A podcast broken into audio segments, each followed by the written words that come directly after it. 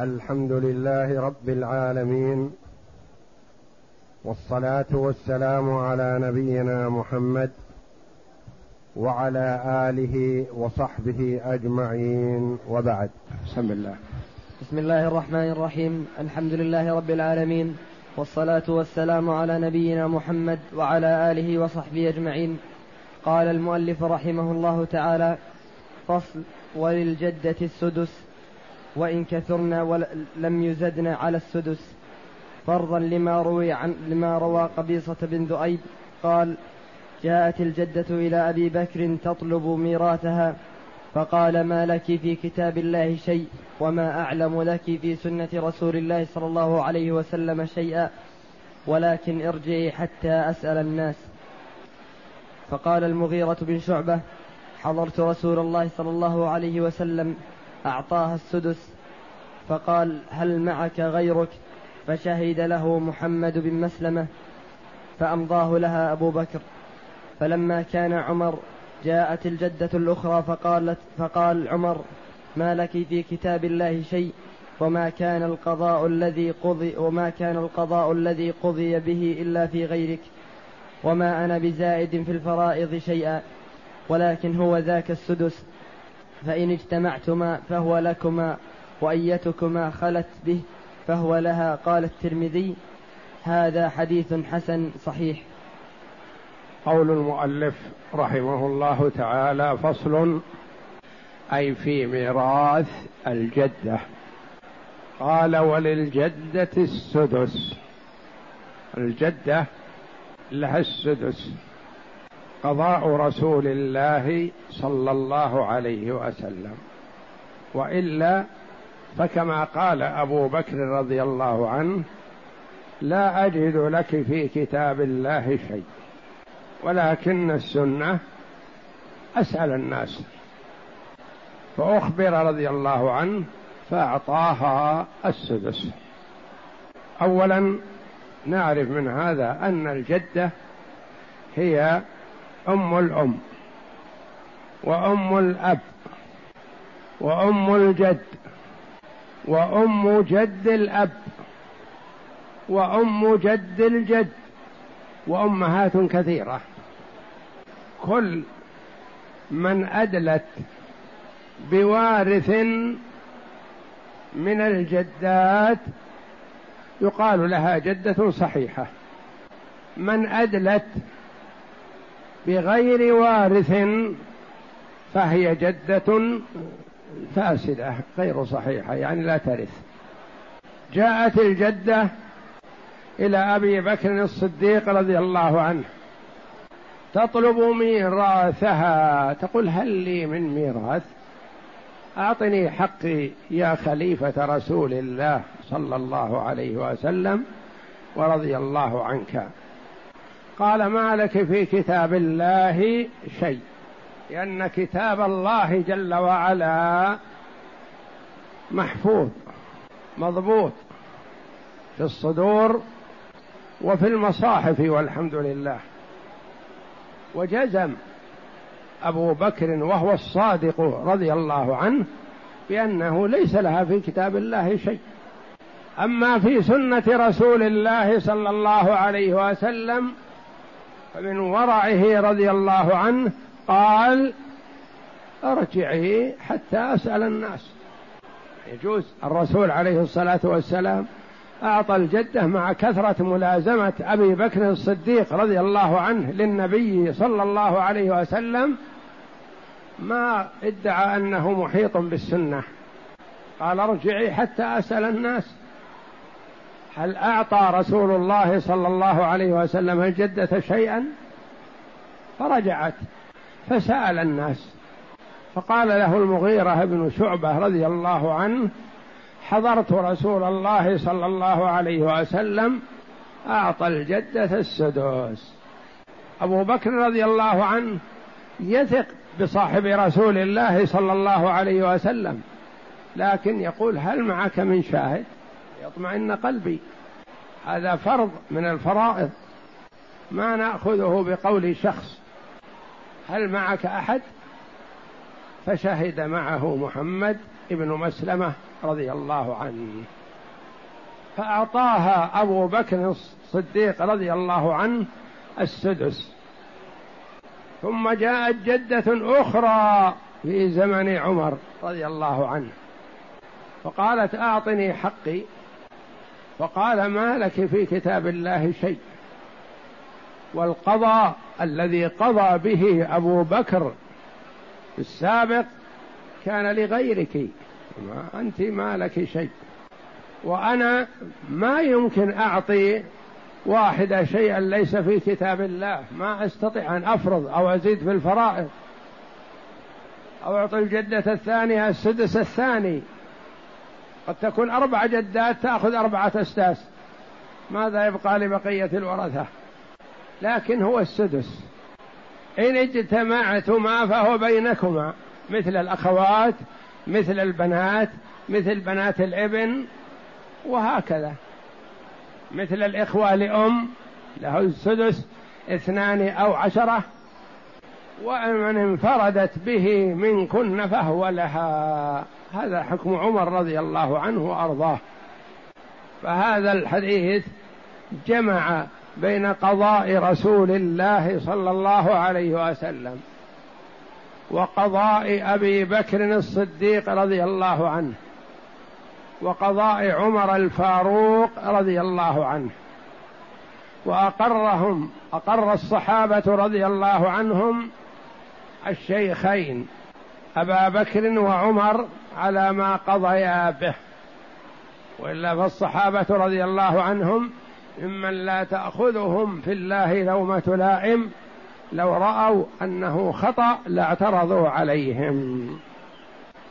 وأيكما خلت به فهو لها. قال الترمذي رحمه الله هذا حديث حسن صحيح. وأخرجه غير الترمذي رحمة الله عليهم. أخرجه أبو داود وابن ماجه والإمام مالك والإمام أحمد. كل هؤلاء أخرجوا هذا الحديث. منهم من أخرجه بلفظه وتمامه ومنهم من أخرجه ببعض أجزائه. نعم. ولا يرث من الجدات أكثر من ثلاث. ولا يرث من الجدات أكثر من ثلاث. إذا تساوينا ما هن هذه الثلاث؟ أم الأم وأم الأب وأم ابي الأب أو أم الجد. ثلاث. ويتصور أكثر من هذا لكن هذا عند الحنابلة لأنه الذي جاء في السنة. ما جاء في السنة أكثر من ثلاث جدات. ولا يتصور كثير. يتصور من جهة الأم واحدة لا غير. ما يتصور أكثر من واحدة من جهة الأم. ومن جهة الأب واحدة. ومن جهة أب الأب واحدة. ومن جهة جد الأب واحدة. ومن ومن جهة جد الجد واحدة وهكذا. لأن الأب بآبائه كل واحد يكون له أم. وأمه جدة. أم الأب وأم الجد وأم أب الجد وأم جد الجد وأم من هو أعلى من هؤلاء كذا. فلا يتصور من جهة الأم سوى واحدة فقط أم الأم. لا يقال أم الأم وأم أب الأم لا. مثل ما يقال أم الأب وأم أب الأب. صح. لكن أم الأم وأم أب الأم لا. هذا بالإجماع. أن أم أن أم أبي الأم لا ترث أبدا. لأنها تدلي بغير وارث فلا ترث. أما الأمهات الأخريات فيدلين بوارث. لأن الأب إلى ما علا وارث. فكذلك أمهاتهم والحنابلة عندهم لا يرث إلا ثلاث جدات ومالك لا يرث إلا جدتين. أبو حنيفة والشافعي وجمع من العلماء يرث أكثر من ثلاث. يعني من وجد من الجدات المدلية بوارث فإنها ترث. نعم. ولا يرث من الجدات. ولا يرث من الجدات أكثر من ثلاث. أم الأم وأم الأب وأم الجد. ومن كان من أمهات ومن كان من أمهاتهن وإن علت درجتهن فلهن السدس إن إذا تحاذين في الدرجة. لما روى سعيد بإسناده عن إبراهيم أن النبي صلى الله عليه وسلم ورث ثلاث جدات ثنتين من قبل الأب وواحدة من قبل الأم. هذا استدلال الحنابلة أنه لا يرث أكثر من ثلاث جدات لأن النبي صلى الله عليه وسلم ورث ثلاث جدات. نعم. قال إبراهيم كانوا يورثون من الجدات ثلاثا وهذا يدل على أنه لا يرث أكثر من ثلاث. وأجمع أهل العلم على أن أم على أن أم أبي الأم لا ترث وكذلك كل هذا بالإجماع. أجمع أهل العلم على أن أم أبي الأم لا ترث. نعم. وكذلك كل جدة أدلت بأب بين أمين لأن وكذلك جدة أدلت من جهة الأم يعني أم أبي الأم وأم أبي أبي الأم وإن علت؟ من شعبت من جهة الأم. لا يرث إلا جدة واحدة فقط. وإلا يتصور الجدات من جهة الأم مثل ما يتصور الجدات من جهة الأب سواء بسواء من حيث التصور والوجود. لكن لا يرث منهن إلا من أدلت بالأم بمحض الإناث فقط. لأن من أدلت بالأم فيه ذكور فالذكور من قبل الأم لا يرثون بالإجماع فكذلك أمهاتهم. نعم.